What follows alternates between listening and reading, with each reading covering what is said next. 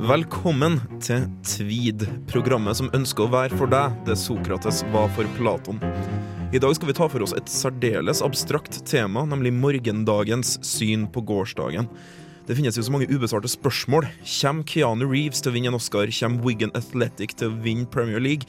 Og kommer barna dine til å møte opp i begravelsen din? Hvordan vil fremtida sin historieskriving behandle nåtida, og hvordan vil den snakke om deg?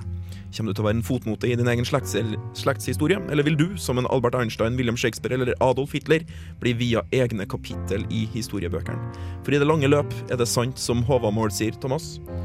Dør fe, dør frendar, dør sjøl det same. Eg veit, et som aldri dør dum om dauden kvar. Ikke sant? Jeg heter Martin Ingebrigtsen, og med meg i dag har jeg Ulf Egeberg og Thomas Sjue. Du hører på Tweed. Her er Tom Waits.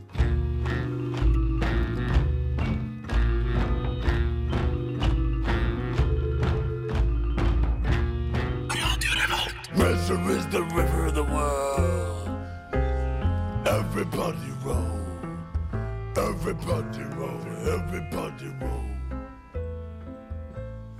Misery is the river of the world, sang Tom Waits, som, som alltid fikk lov til å åpne ballet her i Tvid.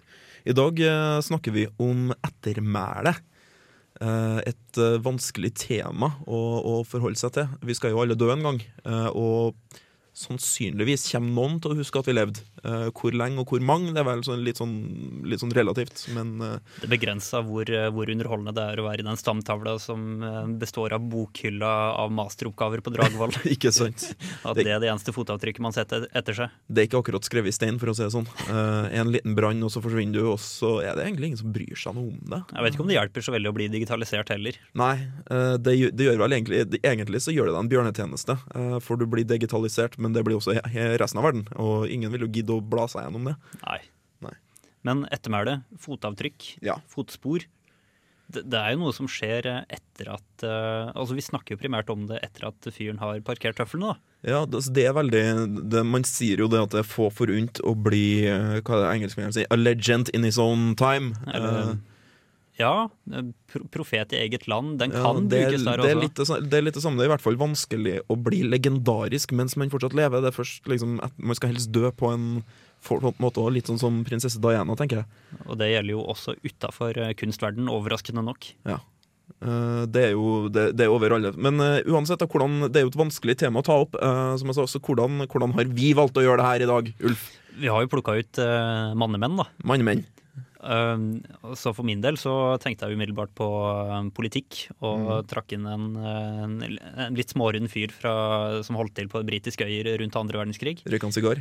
Ja. Drakk en 30 flasker whisky hver dag. Ja. Da tror jeg vet hvem det, Det var vel er faktisk ikke 30 flasker whisky, det var, det var en god andel gin også. Å ja, ok, Så det var, var 15 flasker whisky, 5 flasker gin. Omtrent. Thomas, eh, du er, takk for at du kommer tilbake igjen. Takk for at jeg får komme igjen. Det er veldig hyggelig å ha deg på besøk, Thomas. Hva er det, hva er det, hvem er det du har dratt med? Uh, jeg dro med Josef Groll, jeg. Josef Groll. Altså, det er, det er Bare navnet hører Smak på det. Josef Groll. Ja, ja. Josef Groll. Han høres jo ut som en som har satt fotspor i seg med, i syklon B under andre verdenskrig. Ja, han, uh, Groll må for så vidt Det må ikke forveksles med Grolsch, da. Oh, ja. Eh, det er, nei. Her er Josef Groll en, eh, en, eh, en, gammel traver som eh, jeg sikkert skal få lov til å si litt mer etterpå. Ja, det, Men eh, du, du snakka om øl forrige gang du var her. Handler det om øl nå òg? Jeg er redd for det. Ja, Det er derfor vi liker at du kommer. Men kjære programleder Martin Ingebrigtsen, ja, hva skal du snakke om? Det er jo få som har et like komplisert og, og artig ettermæle som, som en Knut, som jeg liker å kalle den. Eh, På litteraturvitenskap så dukker det opp sånn ca. annethvert år en eller annen diskusjon rundt et eller annet ølglass om eh, Knut Hamsun. Eh, Jeg har faktisk snakka om den på radio før òg. Men eh, i dag så tenkte jeg det var på, på tide å snakke om det som er absolutt morsomst med fyren, nemlig ettermælet hans. Eh, vi snakker om ettermælet i Tvid. Eh, hvordan mennesker blir huska, hvordan, menneske, hvordan du blir huska, sånn, hvordan ting huskes. Hvordan sånn ettermæle. Men Martin, åssen ja. vil du bli huska? Det var det jeg satt og tenkte på. Vet du. Det var derfor jeg begynte å stotre litt. Tror jeg. Um, Det er litt sånn vanskelig å si. Jeg føler jo, jeg jeg er jo egentlig ikke ferdiglevd. Jeg har jo ikke, når jeg har gjort noe, så kanskje jeg har lyst til å si jeg vil huskes for det. Eh, Det, eneste, altså det mest imponerende jeg har på samvittigheten nå, er jo at jeg var toppskårer et år på guttelaget. Eh, Og det er litt stusslig, Det, det kvalifiserer ikke til en egen Wikipedia-entry. Nei, det gjør ikke det. Eh, og her, og her, men her er også en ting. Wikipedia, ikke sant. Um, Facebook, alle kan få seg Facebook. MySpace, alle kan få seg MySpace. Hvis du skal ha en Wikipedia-entry, så må du ha gjort noe som har på en måte rot i offentligheten. Det må ha bitt litt fra seg. Det må på en måte være en grunn til at noen skulle slå deg opp. Ja, den er jeg med på. Også, hvis man ser på en Wikipedia-artikkel som Mm. gjerne resultatet av ulike, uh, ulike posisjoner uh, eller eh, perspektiv på en enkelt sak, så Mm. kan man si, si at saken blir resultatet av all den diskusjonen. Altså den, den gylne middelvei, i hvert fall på en idealistisk måte. Så du må jo ikke ha fornærma noen, og så må du allikevel ha gjort, eh, gjort noe bra, da. Eller eh, ikke nødvendigvis bra, men noe stort. Ikke sant? Derfor jeg tenkte vi skulle gjøre et uh, lite forsøk nå, sånn, bare sånn helt på impuls. Her. Eh, for noen år siden så gjorde vi et uh, forsøk på dette her, jeg og noen kompiser. Så vi tok den kompisen vår som var, kunne sies å være mest berømt uten å være det. Eh, nemlig en eh, mann som heter Daniel. Så eh, tenkte vi OK, Daniel han har hatt ei kunstutstilling en gang. En separatutstilling. Liksom. Det er litt et eller annet. Så vi laga en, en Wikipedia-entry med masse buff, og det her at han har tatt ei kunstutstilling. Så tenker jeg vi kan nå, nå på direkten kan se om Daniel Theodor Jangmar Paulsen sin Wikipedia-entry fortsatt er her. Eh, Nå tre år etter at vi laga den litt på kødd for å se om den ble stående. Der er den, vet du. Ettermælet han står. Ja, ja. eh, Jeg kan, jeg kan lese den høyt, eller dere kan sjekke det ut, uh, sjekke det ut sjøl. Men her er han, altså. Daniel Theodor Jangmar Paulsen. Og han er ikke egentlig en person som har gjort seg veldig bemerka. Han er mer sånn innafor et visst miljø, så har du kanskje hørt navnet hans, men Men hvis du da lager Wikipedia-artikkelen før du parkerer tøffelen, så får du på en måte sjansen til å skrive din egen eh, akademiske nekrolog. ja. ja, men det er også litt artig, for du kan jo lage din egen Wikipedia-artikkel og se om noen kommer og redigerer den i ettertid. Det er jo sjukt kult. Nå ble det veldig fokus på eh, Har du noe å si, Thomas? det, det, det jeg lurer på er Hvis, hvis, øh, øh, hvis du har et ettermæle da som, øh, som, som du legger inn Eller noen Ja. lager en artikkel etter deg på Wikipedia som Ja. blir sletta, betyr det at du ikke får lov til å ha ettermæle? da? Det betyr at du ikke finnes i den digitale virkeligheten. Eller at Så- ettermælet ditt er bare det er for dårlig til å være med på Wikipedia? Ja, en, eh, men i utgangspunktet så er det jo vanskelig også å dø digitalt. Ja, for det kommer jo til å dukke opp bilder av, av deg i fylla lenge etter at du er dau. Hvis man søker på deg, liksom. Det blir lettere å finne bilder av deg i fylla enn den faktiske nekrologen som mm. dine kjære har uh, spikra sammen. Og det er jo også fascinerende at internett er, et, er i en sånn tilstand av evig nåhet. Sant? Ja. Eh, så alle andre Martin Ingebrigtsen vil jo også sammenlignes med meg eh, i ettertida. Det er veld, veldig mye å tenke på, i hvert fall. Du kan ikke sjekke den eh, samme Facebook-newsfeeden to ganger. Heller ikke én gang kan du sjekke den samme Facebook-newsfeeden hvis vi skal bare fortsette her X-Fill-løpet litt. Grann. We used to have to get out of the lake at 3 o'clock in the morning, clean the lake, eat a handful of hot gravel, work 20 hours a day at mill for tuppence a month, come home and Dad would beat us around the head and neck with a broken bottle if we were lucky. Du hører på Tweed. Eh, en mann som ikke er død ennå, men som sannsynligvis gjennom en gruppe har laga sitt ettermæle. Uh, når tror vi, hvis vi skal gjette at Monty Python kommer til å glemmes? Jeg håper jo at det aldri glemmes. Og så er jeg jo en blivende engelsklærer, og jeg har tenkt å presse Monty Python-sketsjer inn på den jævla smartsport-tavla inn i neste århundre. Inn i neste århundre? Det har blitt testa på femteklassinger. Jeg har personlig eh, empiri, og det funka som bare rakkeren. Ja, Monty Python er jo alltid morsomt. Altså, det er ingenting som lærer bort engelsk som The Fish Slapping Dance, er det vel. Eh, det er noe, det er noe uan... Det vi, tiden vil vise. Jeg tror ikke vår generasjon heller kommer til å glemme Monty Python med det første. Og, og hvis vi er heldige, så kommer de neste nå til å ta den med. Men hva skal vi si i begravelse til Monty Python-medlemmene? Og nå har det seg jo sånn at den av Monty Python-medlemmene som er begrava, har jo kanskje en av nyere tids mest legendariske eh, begravelser. Graham Chapman. eh, Med en av eh, tidenes mest legendariske begravelsestaler, nemlig John Cleese sin. Som sa det at Graham ville nok aldri tilgitt meg hvis jeg ikke benytta anledninga til å bli den første som sa fuck i en begravelse på TV. Oi! Den er drøy. Altså, det Et av de vakreste sånn, enkeltbildene jeg har i hodet mitt, er Terry Jones som sitter og ler og griner oppri like, like oppriktig om hverandre. Veldig fint. Men øh, kan man øh, si hva man vil om øh, døde folk?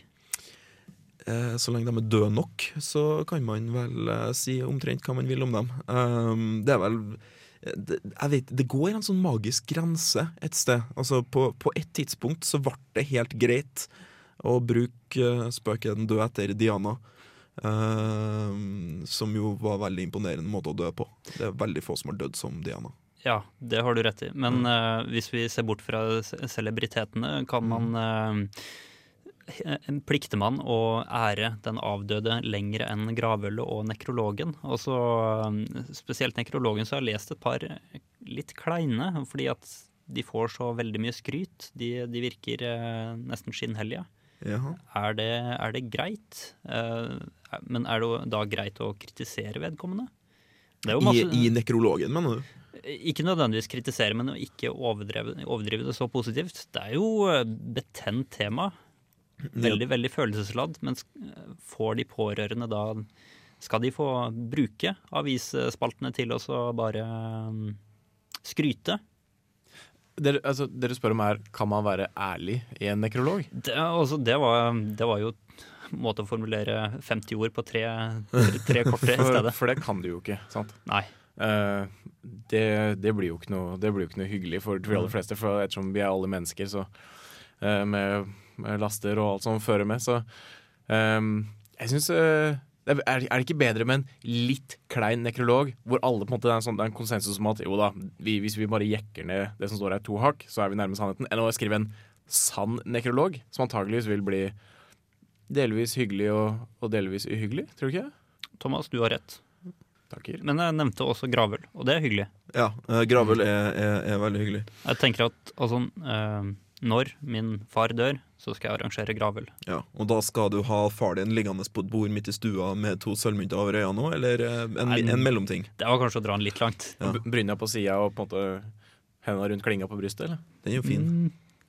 Um, jeg, jeg kom til å tenke på en annen fyr som, har, eh, som satte fotspor etter seg, både i, eh, i sitt liv og virke og uh, måten han parkerte tøflene på. OK. For uh, um, Unnskyld. En uh, amatørfotograf, engasjert amatørfotograf, og Ja. har uh, stumla over eh, Hvem, du eller fyren? Du er en engasjert amatørfru? Ja. Jeg er. OK, greit. Godeste Robert Capa var ingen amatørfotograf. Han var profesjonell fotograf. Han var en pioner innen fotografiyrket. Han eh, Først og fremst en krigskorrespondent. Ikke sant, for Han har tatt ett bilde som jeg vet er kjempefornøyd. Det er en sånn, en sånn maltesisk soldat eller noe sånt som blir fotografert akkurat når han blir skutt. eller noe sånt. Ja, det er eh, skrevet avhandlinger om det bildet er ekte eller ikke. Ja. Han dekka jo også eh, hendelser som Normandie-invasjonen i 44. Og det, det i seg sjøl altså det, det de eneste bildene som eksisterer fra invasjonen den, den dagen, eller de dagene, er hans. Men det jeg synes er tøft med han, var at han var en ekte gentleman. Han dro rundt i dressen sin. Han hadde med seg konjakk på en termos. Alltid hvor han dro. Dessverre, så etter å ha grunnlagt Magnum Photos, som er kanskje det beste billedbyrået i hele verden, i 47, så tråkka han på en landmine i 54. Og der stoppa historien om Robert Capa, og der begynner historien om eh, Fleet Foxes Helplessness Blues, som er ganske blodfersk, faktisk. Du hører på Tweed.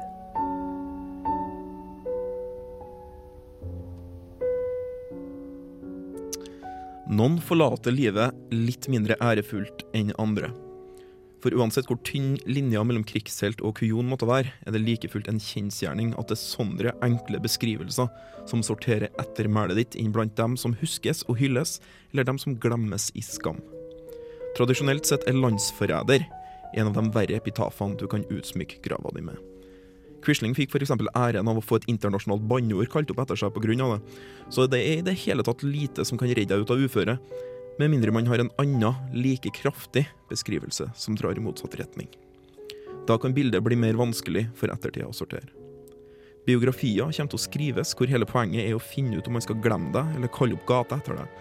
Nyhetssaker, forstå seg påra og folkeopinion kommer til å settes i sving for å finne ut om det er greit å la de positive bestanddelene i ditt ettermæle overskygge det faktum at du var et svin. men det må selvfølgelig være noe stort. Noe skikkelig stort. Nobelprisvinner i litteratur, minst. For du har selvfølgelig allerede gjetta deg til at det her dreier seg om hele Norges favorittnazist, Knut Hamsun. Og hvis du er en av dem som går rundt og er litt forvirra av denne 65 år gamle debatten, la oss ta kjen- kjensgjerningene en gang til. Da det tyske militæret invaderte Norge, fengsla og drepte norske motstandsfolk, jaga konge og regjering på flukt og innsatte en bleikfeit stråmann som overhode i den norske staten, ja, da var en fullstendig oppegående Knut Hamsun på tyskerne sin side. Han var litt døv, men det var omtrent eneste av nedsatte sjelsevner som plaga han. Folk har leita etter formildende omstendigheter i 65 år, uten å egentlig finne noe annet enn den viktigste, nemlig at han før det her vant Nobelprisen i litteratur, og at det derfor hadde vært kjempekjekt å kunne ha gater og festivaler oppkalt etter fyren. I den forbindelse gjorde Knut Hamsun fansen sin en kjempetjeneste da han ga ut boka På gjengrodde stier i 1949. We used to have to get out of the lake at three o'clock in the morning, clean the lake, eat a handful of hot gravel, work 20 hours a day at mill for tuppence a month, come home and Dad would beat us around the head and neck with a broken bottle if we were lucky. Mexicali Road. Du hører på Tweed. Stop crying. Nå har ikke jeg lyd. Nå har jeg lyd. Jeg ble rørt, jeg. Jaha, Vi, eh, vi snakker jo om Hamsun, selvfølgelig. vi snakker om Hamsun, eh, en, en gøyal fyr. Vi har jo eh, pensa inn på ukas kulturtips, antar jeg. Det, det har vi. Boka er etter min mening den mest interessante Knut Hamsun noen gang skrev. Eh, nemlig på Gjengrodde stier i 1949. Altså Nå skal det jo sies, jeg er ingen stor Hamsun-fan. Eh, jeg synes Pan er masete. Jeg synes Mysterier er l- merkelig og livsfjern. Jeg synes på Markens grøde kjedelig. Altså, Jeg er ikke noe stor Hamsun-fan. Men på Gjengrodde stier, derimot, det er rett og slett et fascinerende lite stykke litteratur. Uh, og grunnen til det er jo nettopp til at den kommer ut i 1949. Det er jo et oppgjør, mm, altså både med seg sjøl og mm, det ettermælet han skjønner at han kommer til å få, har jeg forstått det sånn? Det er jo det. Um, du kan si at på gjengrodde stier altså For det første så hadde jo Hamsun på det tidspunktet pensjonert seg som forfatter for lenge siden. Uh, han hadde jo ikke skrevet noe lenge før uh, krigen heller. Det siste han skrev på det tidspunktet, var kanskje nekrologen til over Hitler. Um, Det er også en måte å takke farvel. ikke sant? Det er en måte å si ha det til sitt eget rykte på. Ekstranummerære Hitler-nekrologen. Ja, ikke sant. Eh, men så viste det seg jo likevel at På gjengrodde stier eh, skulle bli ekstranummeret. Det var en bok som eh, de egentlig ikke hadde lyst til å gi ut før etter at han døde. Noe som jo nærma seg. Han var jo 90 år da han kom ut. Det var lenge etter at han var, ble erklært eh, gæren i en Han ble erklært gal, og ga, det var jo det han som gjorde at han slapp å bli skutt. Var jo at de klarte å erklære han sinnssyk.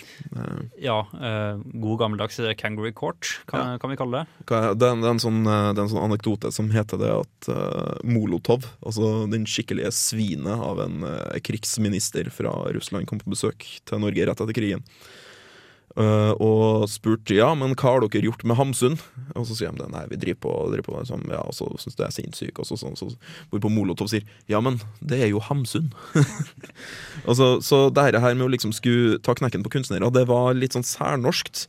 Hamsun var litt eh, Tilfellet Hamsun var veldig flaut for Norge, og, og den her Kangaroo Courten, som du sier, den kan vel egentlig sammenlignes med det Moland og French gjennomgår i Kongo. Skyldig eller ikke, eh, de er dømt. Ja. Liksom, Men du hadde et anstrengt forhold til Hamsun. Er boka verdt å lese? Uh, ja, på Og det er jo det jeg skal frem til. Altså, man må på en måte ha med i, i bildet det at det her er en 90 år gammel mann som, som er døv, som har blitt avslørt, som har tapt en krig, som har blitt diskreditert og fått liksom navnet sitt virkelig trukket gjennom søla, og som da skal sette seg ned og skrive en siste bok, som jo er et forsvarstale. Og det som er hovedsakelig interessant med den her, er hvordan Hamsun fremstiller seg sjøl.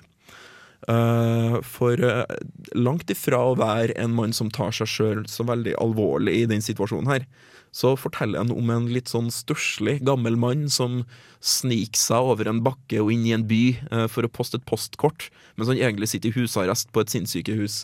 Og som krangler litt med sykesøstrene som passer på han, og som driver liksom og lusker rundt og er veldig sjarmerende og søt. Eh, og hva er vel mer ufarlig enn akkurat det? Så, stedet, så det, de kaller det et forsvarsskrift, men egentlig så er det jævlig mye mer eh, slu enn det, altså. altså. Han er virkelig, virkelig viser hvor god forfatter han er, gjennom hvordan han fremstiller seg sjøl. og det er selvbiografisk eh, skjønnlitteratur i den forstand. Altså, så folk som fortsatt maser om Knausgård, kan like godt gå tilbake til 1949. Liksom. Det her er veldig forut for sin tid. Politikk, Ulf. Politikk. Ja, for uh, vi skal jo bort fra kunsten nå. Ja. Um, Åssen setter man fotspor etter seg i politikken? Selvfølgelig enten ved å gjøre dårlig eller gjøre bra. og um, på de britiske øyer, sånn eh, mellom 35 og 45, så var det jo to. Det var en hane som eh, bukka under. Ja, Chamberlain. ja hva, hva sa han het? Neville Chamberlain. Aldri hørt om fyren. Nei, Ikke sant? en vits. Ikke sant? Det, nå i det siste så mm, Jeg lurer på om det var et par måneder siden jeg leste i Morgenbladet om en, eh, en apologi for eh, Chamberlain. Og Ja. hvor, det, hvor de forsvarte hans valg og sa at han hadde jo han hadde jo ikke noen alternativ. Det var ikke snakk om et dilemma. Det var bare gi Hitler lillefingeren nå eller etterpå. Ja, ja. Så han gikk jo eh, historien og hersa med han. Ja, han, eh, det er mange som har hersa, med stakkars Chamberlain, altså, som jo eh, med viten og vilje omtrent dro til Tyskland og ble lurt av Hitler. Eh, og som eh, kom hjem med det her brevet som det står 'Peace in our time' på. Uh, Ja, der eh, lamfletten han driver ja, han som driver og vifter med og er kjempefornøyd. Men altså, du må jo tro det at akkurat den samme dagen så gikk han hjem og la hendene i verdens største facepalm og sa 'hva fankeren har jeg gjort'? Kanskje med et sånn lite håp om at det skulle gå greit likevel, men uh, ja. Men den største grunnen til at uh, Chamberlain blir en sånn flopp, en fiasko, en tulling, det er jo at etterfølgeren er, er en skikkelse. En, en mann, altså. Han, han Ja. Selve essensen av manndomhet. ja. Selveste Churchill. På det tidspunktet kan vi vel kanskje si en litt utdatert politiker. Eh, opp til sånn 1938, litt utdatert politiker. Absolutt. Egentlig en eh, Altså, han, han var jo en eh, krigskis, Ja, ja. rett og slett. Han var ikke akkurat pasifist. Eh, Han, og han var litt grann løst antisemittisk, for å ikke si eh, det. Han kom med litt sånn småbrune uttalelser. Og han, eh, hans hovedsak var jo strengt talt at eh, man måtte bli kvitt han her irriterende Gandhi-fyren, Ja. eh, som drev og skulle fjerne India fra, fra britene sitt rettmessige styre. Han brøyt ikke med den britiske arven. Nei, det Men i, eh, i 3940 så var det jo nettopp eh, en sterk, sterk, sterk person. Mm. Noen ville jo kanskje sammenligne det litt med fascismen, som var populær lengre sørover. Men eh, den britiske kjempen av en eh, konge, altså, som bare tok makta, statsministerrollen, og sa vi gir oss faen ikke uansett. For det var jo sånn at uh, når, når Winston Churchill kom inn, i, først ikke som statsminister, men som uh, sjef for, uh, for marinen eh, under krigstids-England, eh, da gikk det jo en, en, altså en posisjon han hadde innehatt før, eh, så gikk det jo en radiomelding over, over det hele det britiske marinesystemet det, som sa 'Winstons back'. uh, så du ser jo litt sånn hvordan, hvordan han bar, Bare navnet hans i krigstid var, var, var, var åpna døra for at dette her kan gå bra. Liksom. Han, eh, han var jo eh, i tillegg til å være eh, en, en krigshelt, omtrent. Vi kan nesten kalle han det. Så, så var han ba barn av det aristokratiet som vi elsker å hate og forbinde med England. Ja, det er altså det aristokratiet som hadde gjort England til verdens største imperium. Og i tillegg så var han vittig. At, at least I'll be sober in the morning. Ja, ja. Han drakk dugelig mengde med gin. Eh, Han drakk dugelige mengder med alkohol. Eh, Ja, i det hele tatt. Runda vel tre flasker vin og noen flasker whisky og litt sånn i løpet av en dag. Tror jeg. Og så vant han krigen. Ja. Og så likte han eh, gode dresser, gjerne dobbeltspente fra Savile Row. Ja. Han hadde ikke noe imot å bli avbilda i en rekla reklamekampanje med en dobbeltspent pinstripe suit med en Tommy gun. Nei da. Altså, I dag så tar politikere på seg mørkeblå dresser, hvite skjorter og røde slips. Og så sitter de og snakker om dialog. Ta dere en bolle. Se på pressefotoene til Churchill for eh, 60 år sia. Ja. Og så er det jo sånn, Hvis du først skal bygge et ettermæle, eh, det som vi sier, enten gjør det veldig dårlig eller gjør det veldig bra, vinn en verdenskrig. Ja, Det bruker å hjelpe. og når du er ferdig med det, så sper du faen på med nobelpris i litteratur over det Ikke historiske sant? verket du har skrevet. Om andre verdenskrig. Eh, Jeg skal vinne verdenskrigen, så skal jeg skrive en bok om det, og jeg skal faen meg vinne nobelprisen i litteratur for det. En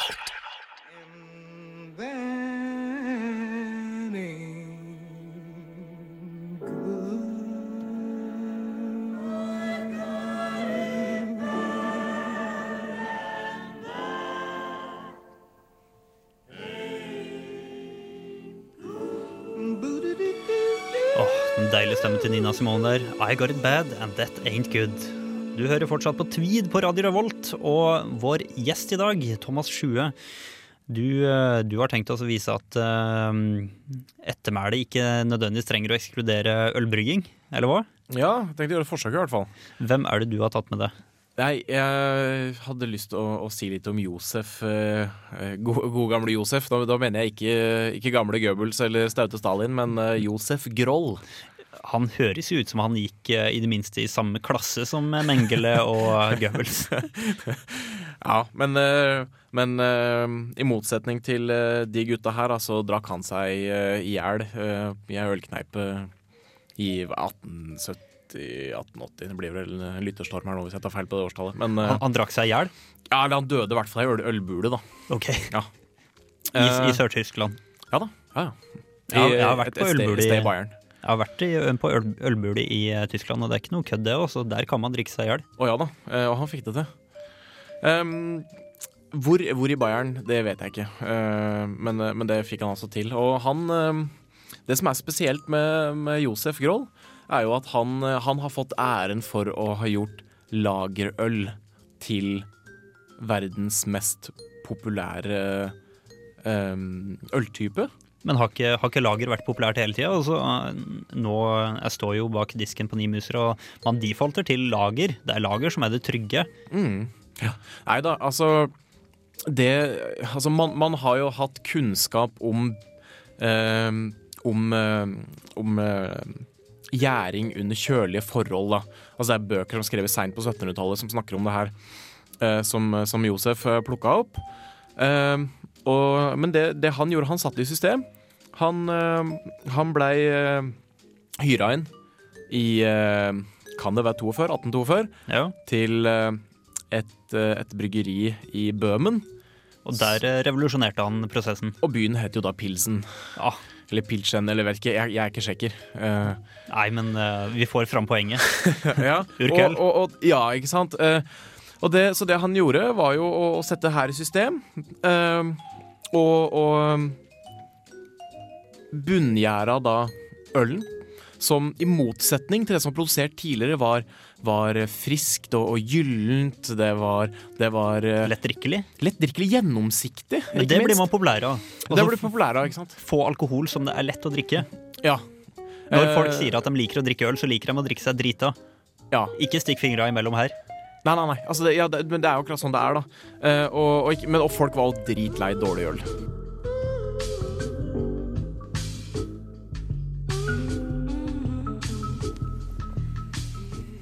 Ja, Tvid begynner å nærme seg slutten på i dag. Vi har snakka om ettermælet. Ja, absolutt.